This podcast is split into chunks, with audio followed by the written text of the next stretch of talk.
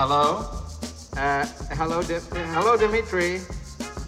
Listen, I, I can't hear too well. Do you suppose you could turn the music down just a little?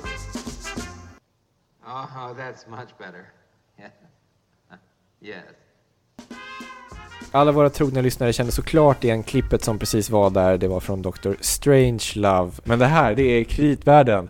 Eh, Sveriges och världens, tror vi fortfarande, enda podcast om kreditmarknaden med Louis Landeman. och Gabriel. Bergin. Ja, det stämmer Där bra. satt den. Ja, jättebra. Härligt.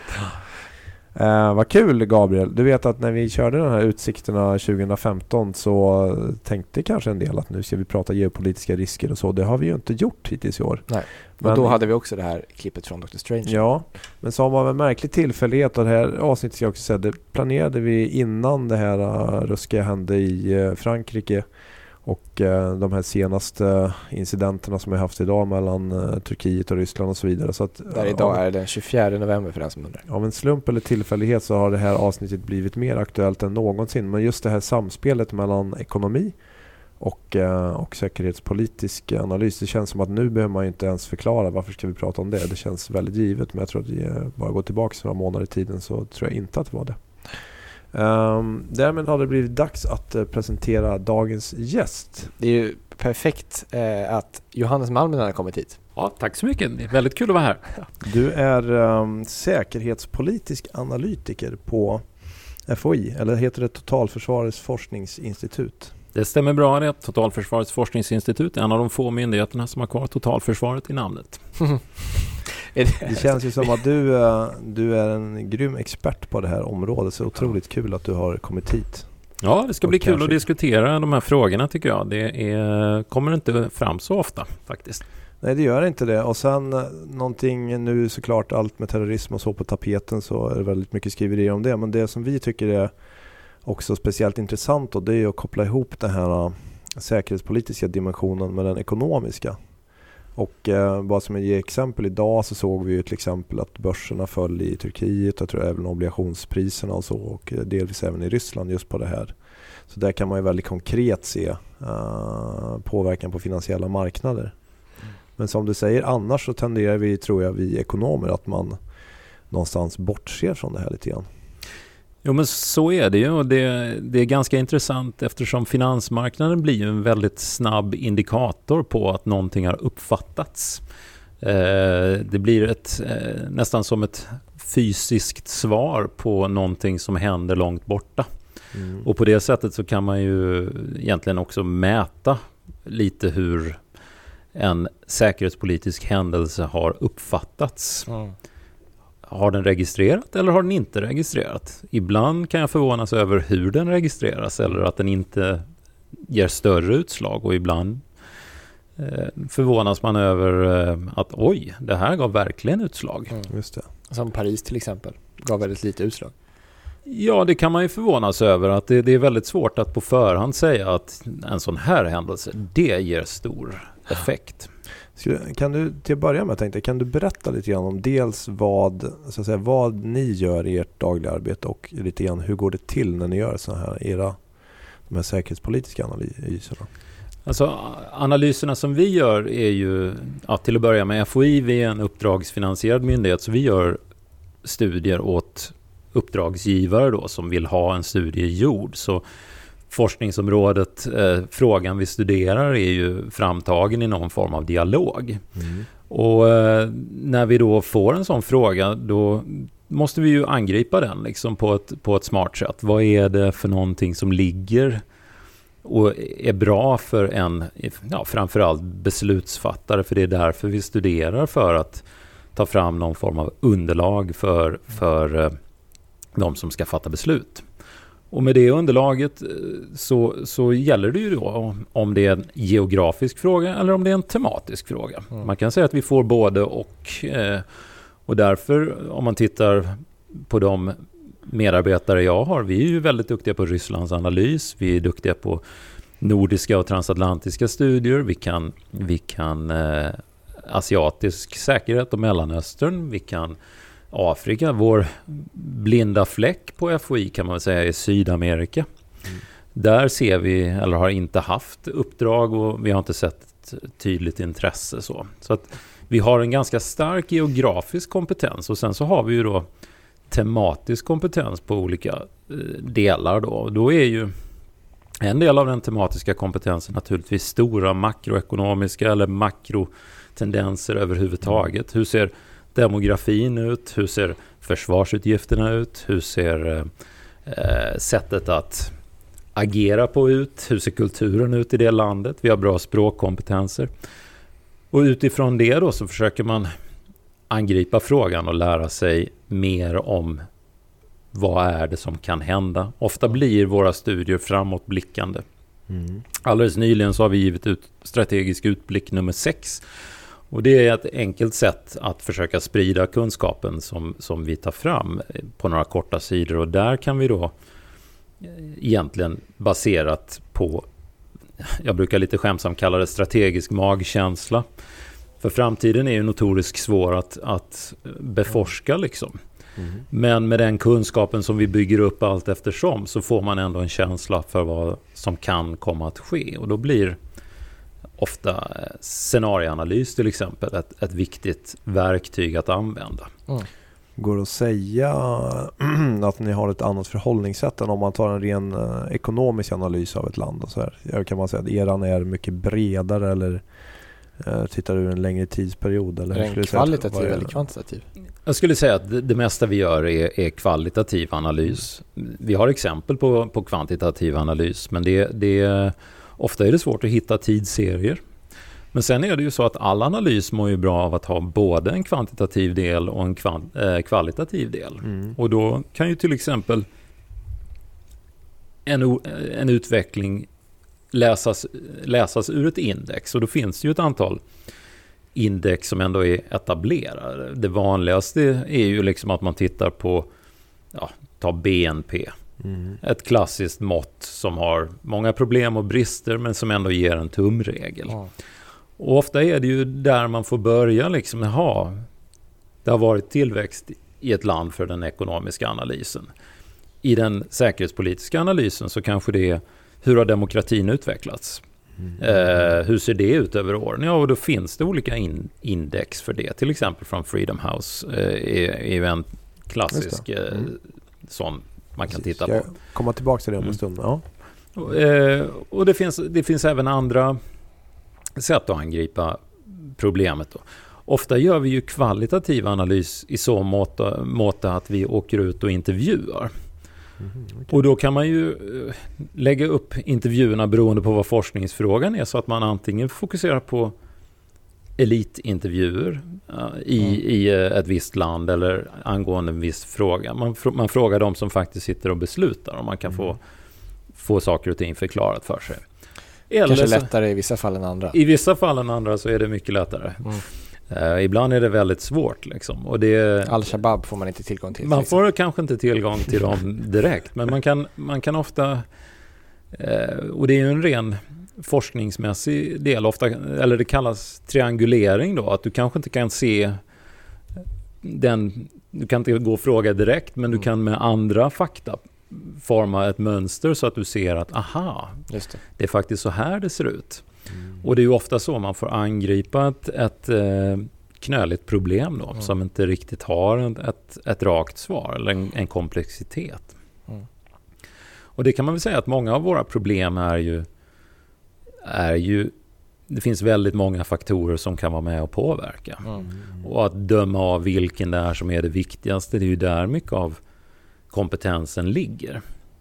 Vi tittar ju ofta på, eh, på eh, försvarsutveckling till exempel. Eh, I Rysslandsstudierna så är militär förmåga en väldigt viktig fråga.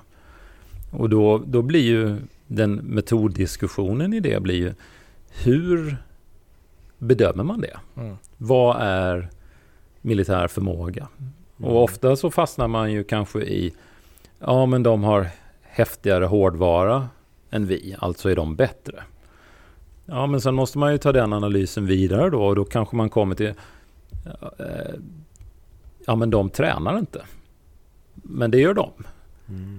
Då kan de använda hårdvaran som är sämre men de kan använda den bättre. Mm.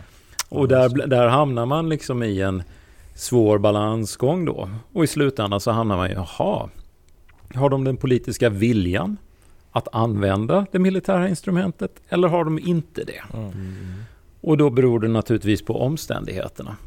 Att eh, omständigheterna, och då är man ju ofta i säkerhetspolitiken så utgår man ju från vad är uppgiften? Ja, första försvaret är ju att skydda statens överlevnad brukar vara den grundläggande uppgiften mm.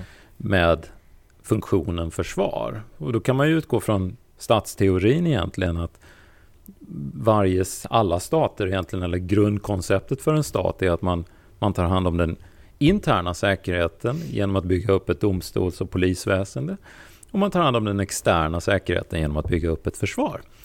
Jag tänkte det här är kanske någonting nästan man glömmer bort i Sverige ibland. Alltså man har, vi tar det så för givet att den här interna säkerheten finns. Att man kanske inte riktigt tänker på det längre.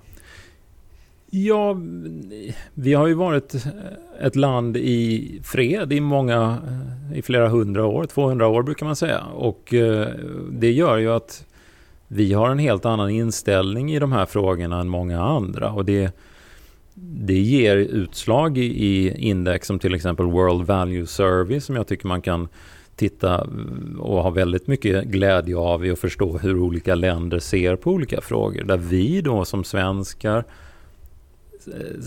får väldigt höga tal på till exempel att vi är mer moderna, mer sekulära, ser mer till eh, att självförverkligande är viktigare än överlevnad till exempel. Medan mm. andra länder då ser, har man varit i krig, vet att allting kan tas ifrån en, ja då har man ett mycket högre Eh, fokus på överlevnad. Det där är väldigt intressant. För, apropå det här med World Freedom Index. För det där, jag tittade lite på det och då såg jag att eh, till min, eh, jag ser inte säga förvåning direkt, men det, det, det jag noterade en trend att jag tror att de senaste nio åren så har de mäter liksom, demokrati, ja, rankar den liksom, i olika mm. länder och noterar att den är på tillbakagång på global basis sedan nio år tror jag. Och att 2014 var ett av de absolut värsta åren eh, någonsin faktiskt i det hänseendet. Och där flera ganska stora länder tar ganska stora kliv tillbaka. Alltså och på global nivå? Ja, exakt. Men då går man och, jag tror sen så om man kombinerar det som du säger med värderingar så tror jag också att man noterar att i vissa av de här länderna, om vi tar till exempel Ryssland, så kan det vara så att uh, man också kan liksom, um, se att en ökad andel av befolkningen tycker att det inte nödvändigtvis är positivt med demokrati. Utan man kan acceptera en mer totalitär regim för att lite ordning och reda om du förstår vad jag menar. Och då, är, då leder det egentligen till min fråga. Är, um, håller du med om den här bilden och ser du då en risk att ska vi säga, krig och uh, konflikter att det är öka, alltså att på global basis kommer det öka för att kombinera det här med resursknapphet och sådana saker? Alltså, där kan man väl säga att jag ser ju den utvecklingen som, som eh, du talar om som högst allvarlig då. Mm. Och då kan man ju utgå från eh, jag har tio, liksom i olika sammanhang försökt argumentera för det här att globalisering är ju något som vi kanske nådde höjden på i mitten på 2000 Eh, eller ja, säg 2005, 2006 innan mm. subprime-krisen eh, då mm. slog igenom med full kraft i USA. Globaliseringen hade gjort att vi trodde väldigt mycket på att demokratiseringen var en, det skulle egentligen drabba alla så småningom. Mm. Eh, ideologin skulle konvergera. Ideologierna talades om att ideologierna var döda. Mm. Eh, och skiftet efter den stora finanskrisen då, säg 2007-2008, är ju väldigt stor när det gäller globaliseringsdiskussionen. Vi kan se tillbaks på den tiden som fantastisk i många, eh, på många sätt. Delar av globaliseringen kommer ju inte att försvinna. Eh, vi har tekniken, vi kan kommunicera över stora avstånd. Men helt plötsligt har ju staten kommit in som en aktör som egentligen hade tagit ett väldigt tydligt steg tillbaka i att reglera ekonomin. Mm. Mm. Och det är ju den regleringen då som vi nu är osäkra på. Vilken typ av reglering av ekonomin ska det vara? För att under globaliseringshöjdpunkten egentligen. Då pratades det ju som att nej, ekonomin är helt oreglerad och det var ju helt det var ju fel direkt. Mm. Ekonomin och ekonomiska transaktioner är ju reglerade och beroende av till exempel institutioner som mm. att det finns en lag, att man vågar tro på äganderätt och annat. Eh, så att det du pekar på här med, med demokrati ökad auktoritetstro egentligen, eller mm. eh, auktoritära stater och totalitära stater till och med kommer tillbaka, är ju, är ju någonting som vi har sett. Och då kommer man till det här BRICS-konceptet som ju då är egentligen en finansiellt analytiskt koncept som har slagit igenom och används även i säkerhetspolitiska ja. analyser. Alltså Brasilien, Ryssland, Indien, Kina och Sydafrika. Eh, får räknas med ibland i alla fall. Mm. Eh, men starka tillväxtnationer men med olika eh, inställning i förhållande till mänskliga rättigheter, eh, mm. demokrati, sånt som vi kanske tar för givet i ett land som Sverige ofta. Mm. Och där kan man ju säga, om man tittar lite krasst från sidan, att de har ju utnyttjat den globaliserade ekonomin för att stärka sig. Mm. Men har de anpassat sig och köpt regler, institutioner, spelregler på ett sånt sätt som vore rimligt för att mm. dra nytta av det? Jag skulle ju säga att nej, det har de inte. Utan de har ju fortsatt med en liksom statskapitalistisk Mm. De ansats. kommer också väldigt långt ner på den här rankinglistan på de här. Freedom Index. Freedom Index, så det stämmer väldigt väl. Ja, överens. men om man tittar på eh, till exempel sådana här World Value Study, eh, vad händer med befolkningarnas i de här ländernas inställning till demokrati? Har den förändrats på något sätt eller är det mer att det är en elit som lyckas kapitalisera på ett behov av trygghet? Eller då, då, måste man väl gå in lite på olika länder specifikt och det kan tas, eh, bli för mycket detaljer det kanske, men, men länderna i sig är det väldigt svårt att få en bra bild av vad befolkningen faktiskt tycker. Mm. Eh, fria opinionsinstitut är ganska ovanligt i, i auktoritära stater.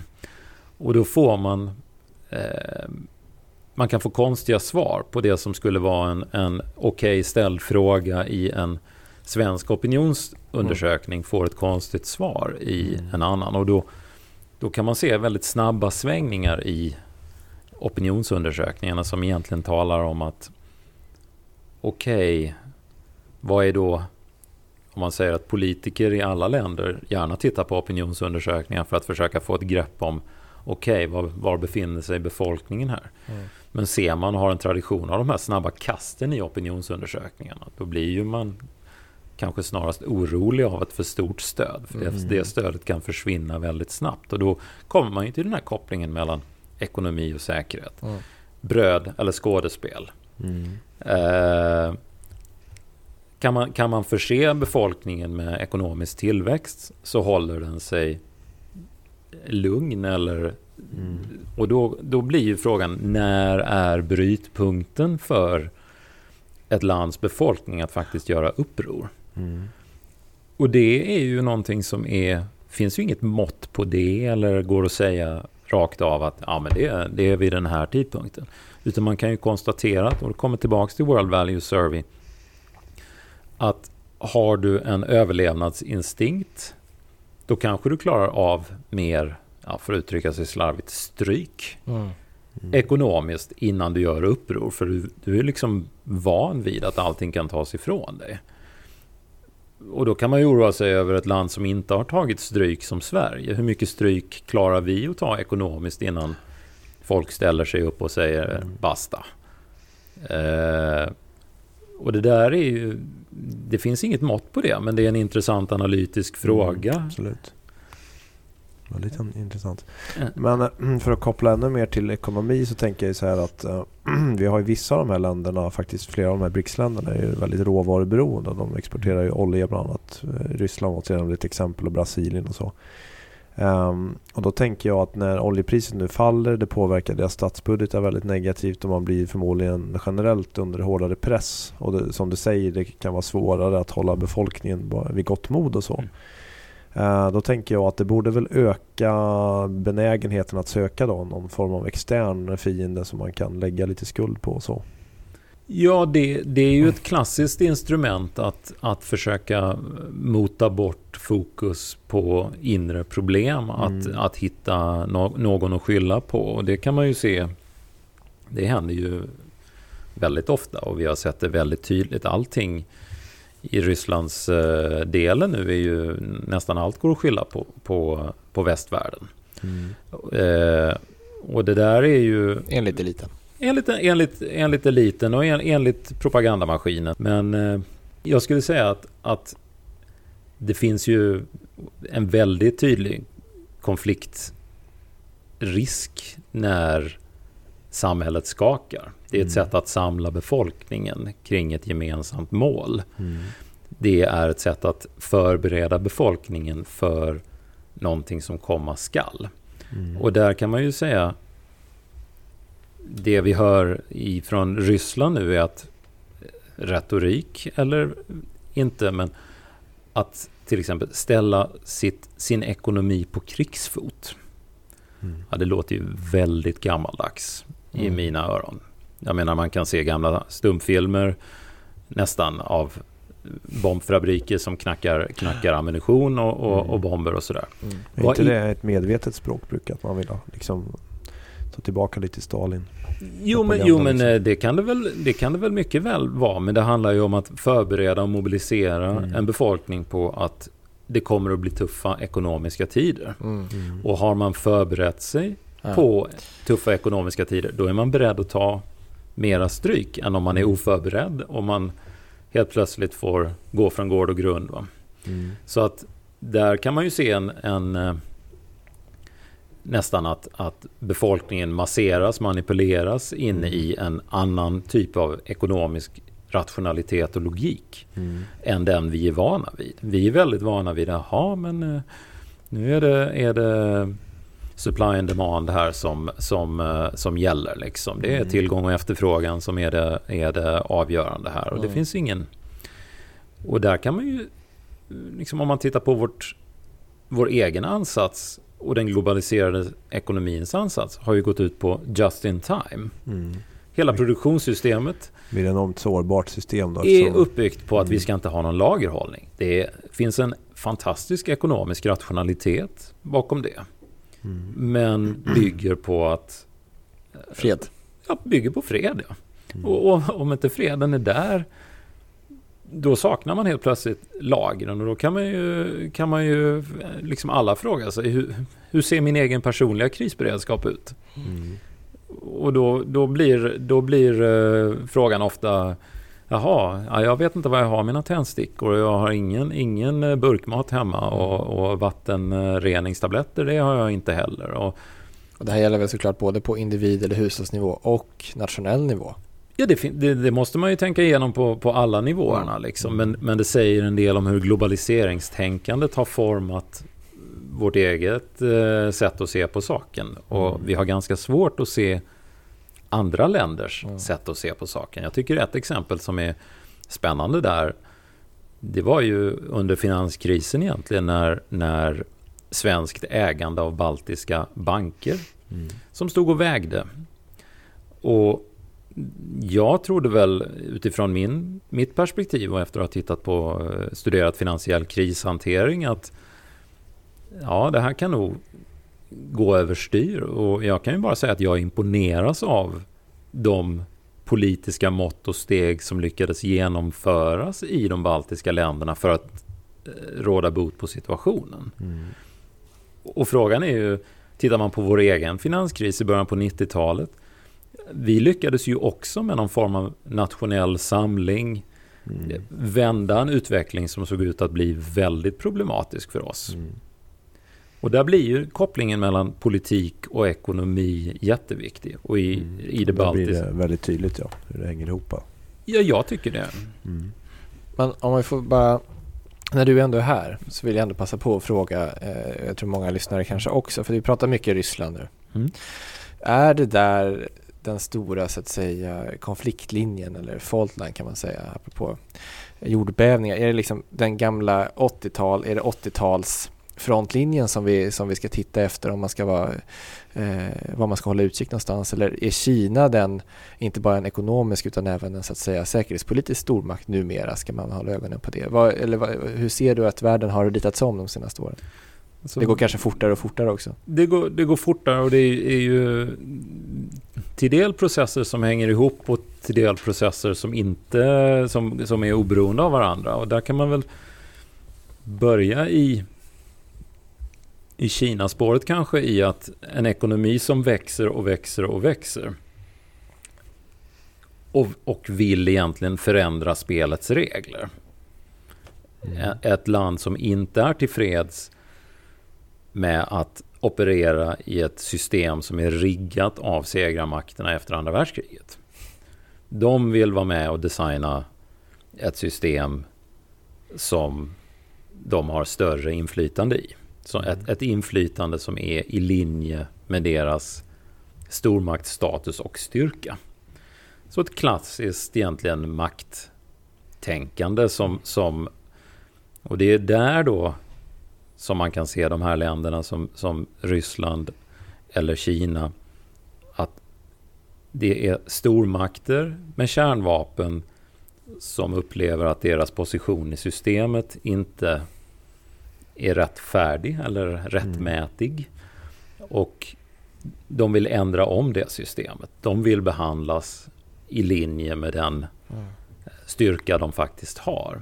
Och det är ju det som då skapar ett, en enormt orolig situation för en småstat som jag då brukar räkna Sverige som. Jag menar, vi är en ganska stor småstat om man jämför med riktiga mikrostater. Men vi har ändå väldigt lite möjlighet att påverka systemet. Systemet finns där och vi kan lära oss att operera bättre eller sämre i det systemet. Men vi kan inte göra så hemskt mycket om åt hur det är riggat egentligen.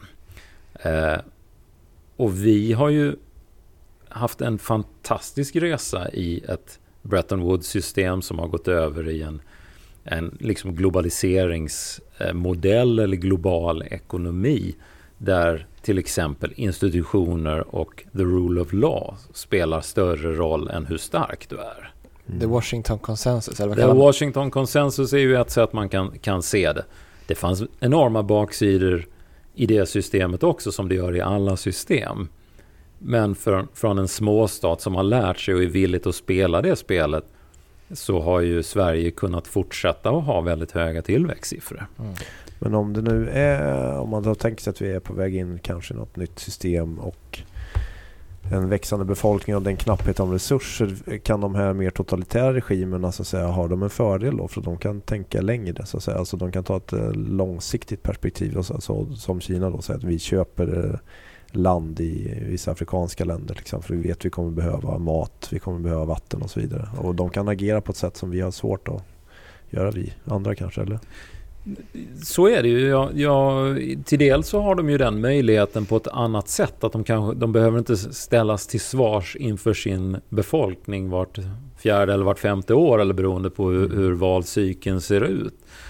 Och det gör att de, de klarar av att ta eh, kanske tuffare långsiktiga beslut.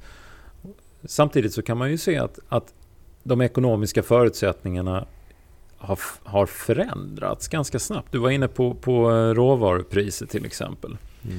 Det här spelade ju väldigt stor roll för ett land som Ryssland vad, vad oljan faktiskt kostar. Mm. Men frågan är vad man gör med den kunskapen eller med den förutsättningen. Vad är värdet på pengarna? Styrs man av en ekonomisk rationalitet eller styrs man av en politisk rationalitet? Mm.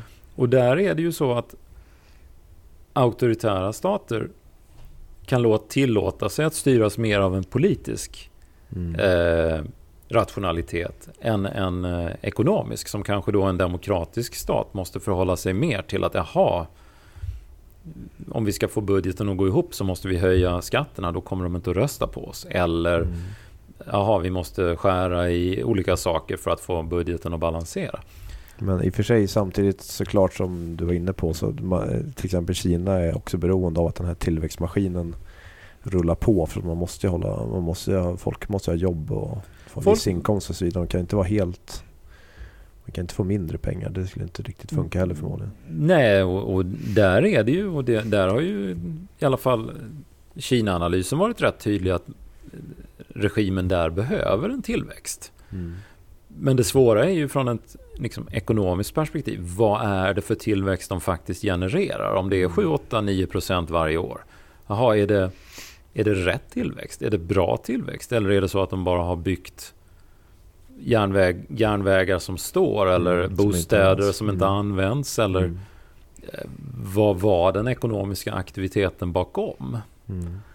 Eh, och där, där är ju liksom den här delen av att investera på andra ställen. Där kan jag ju tycka ur ett ekonomiskt säkerhetspolitiskt perspektiv att mycket av västvärlden är ju väldigt frikostig med att sälja mm. både territorium och infrastruktur och annat på ett sätt som inte är ömsesidigt. Mm. Eh, och där kan man ju då ifrågasätta säkerhetspolitiken kan ju ibland i de här länderna ifrågasättas att vad är transaktionen egentligen? Mm. Är det en ekonomisk trans transaktion eller är det en politisk transaktion i att jag vill köpa inflytande eller köpa ett beroende som, mm. som med den här investeringen så kopplar jag faktiskt samman våra länder vilket gör att jag på sikt kan påverka politiken som, mm. som då faktiskt sker. Just det. Där, Ukraina är väl ett intressant exempel med finansieringen av den staten. Vi har pratat tidigare om de ryska lånen samtidigt som man har, söker EU-finansiering och sådär. Mm. Där står man liksom mitt emellan. Mm. Och det pågår fortfarande förhandlingarna med bland annat Ryssland och olika utspel. Mm. Inför det året så såg jag faktiskt äh, rätt nyligen, borde ha sett det tidigare, men det fanns äh, Standard Poor's ratinginstitutet kom ut med en sån här lista på Top Geopolitical Risks for Sovereign Ratings 2015 apropå den här kopplingen till att en stats rating och även ju hur man handlar statsobligationer hänger ju även ihop med politiska och geopolitiska risker såklart som man måste titta väldigt mycket på. Jag tänkte bara så här äh, räkna upp de här riskerna så får vi se om du håller med om är det här samma nu för det kommande året eller är det någon som saknas här? Kanske är så väldigt heltäckande men de börjar faktiskt med Ryssland och Ukraina som jag tror de hade som den största eh, enskilda saken som de tog upp inför året. Sen eh, Israel och Palestina. Det är väl en, ingen ny men Nej. den finns. Och sen faktiskt Isis då som man tar upp och det här pratar man egentligen tror jag här främst då inom uh, Mellanöstern. Men det har ju spridit sig väl över det då. Uh, sen nämner man ebola.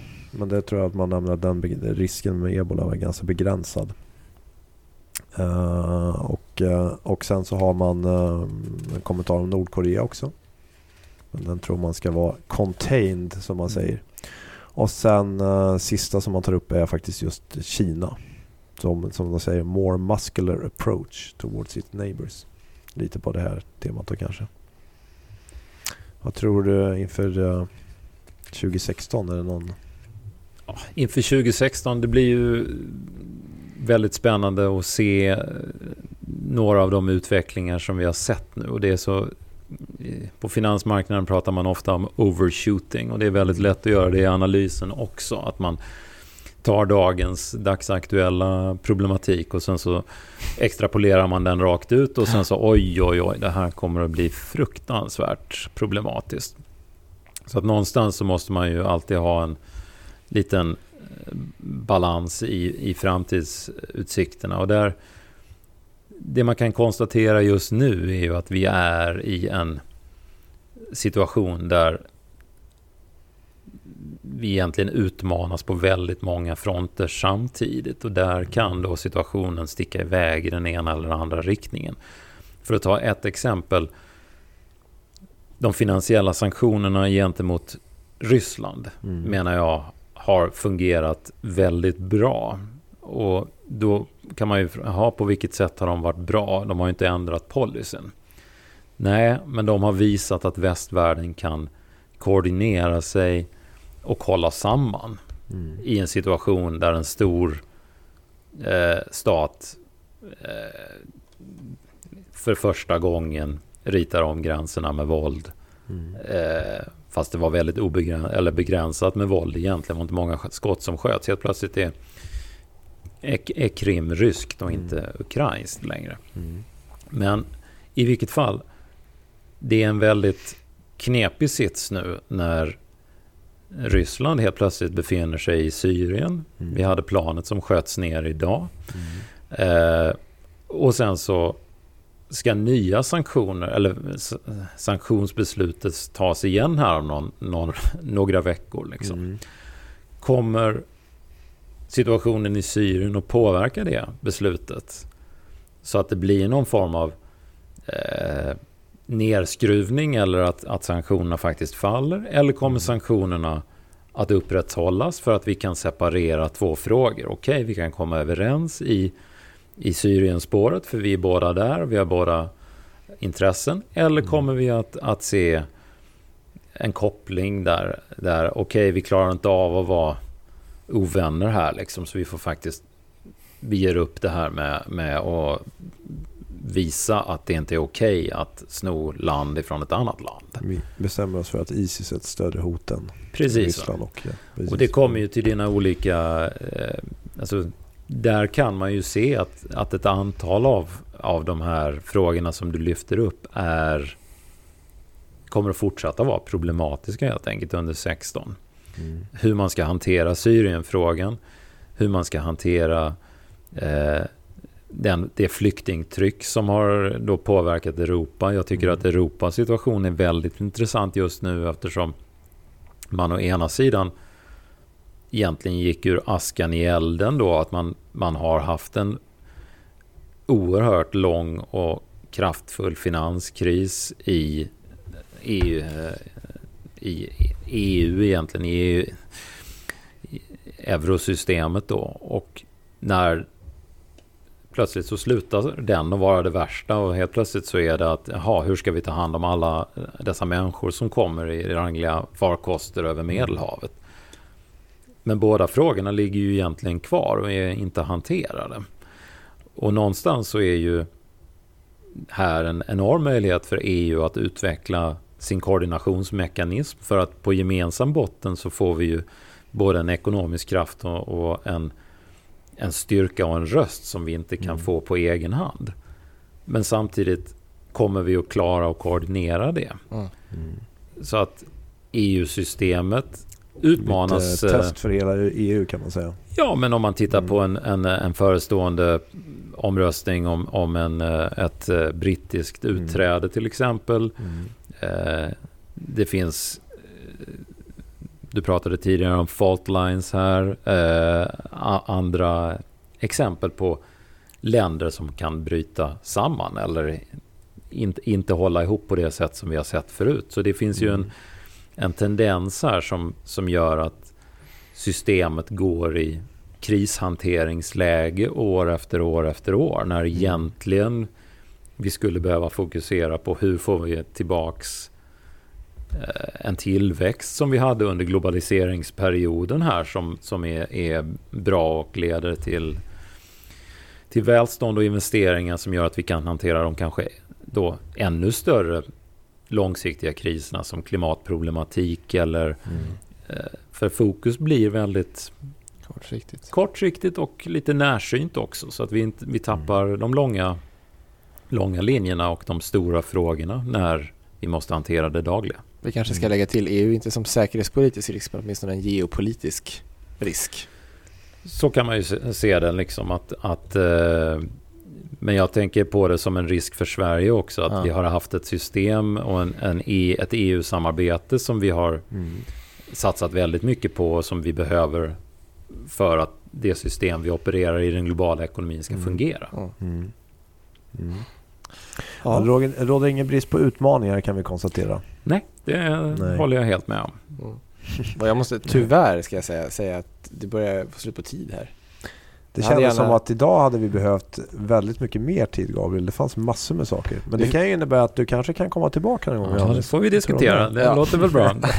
Du får agera kurator för oss här. Ja. Jag kan också säga att för de eh, av lyssnarna som tycker att det här var väldigt intressant så har ju ni på FOI, det ligger väldigt mycket fina rapporter där. Jag har läst några själv och tycker de håller otroligt hög kvalitet. Så är man intresserad av de här frågorna, ni har till exempel om Ukraina och Ryssland som ett exempel så gå in och, eh, och se det och läs de en del av de här rapporterna. Och så tipsade du själv om strategisk utblick nummer 6 som precis kom. Den har precis kommit. Mm. Eh, FOI.se, är- där finns rapporterna och det går att, eh, titta på, på dem och läsa, ladda ner. Så att eh, det är jättekul om eh, att de läses och kommer Mm. till nytta. Mm. Fantastiskt. Det, jag tror att det finns mycket i den här, jag sitter och tittar på innehållslistan just nu, den här strategisk utblick som berör det vi precis har pratat om. Så att det verkar superspännande. Jag tar med den hem till nattduksbordet. Eh, tack så hemskt mycket för att du kom hit. Ja, Tack stort så tack. mycket. Och tack alla som lyssnade. Vi hörs snart igen. Mm. Då kanske det blir dags att prata om lite mer om utsikterna för nästa år på kreditmarknaden. Vad tror men jag trodde att vi var klara med det. Eh, på kreditmarknaden? Jaha. Ja, ja, men vi har, det här var en liten teaser. Ja, just det. Kreditmarknad, det är det vi håller Jag glömmer. Eh, vi finns på Facebook och Twitter som ni vet. Eh, in och gilla och ställ gärna frågor även till brev at kreditvärden.se så, så tar vi upp dem och tar till oss dem. Eh, tack igen. Tack. för idag. Hej. Tack.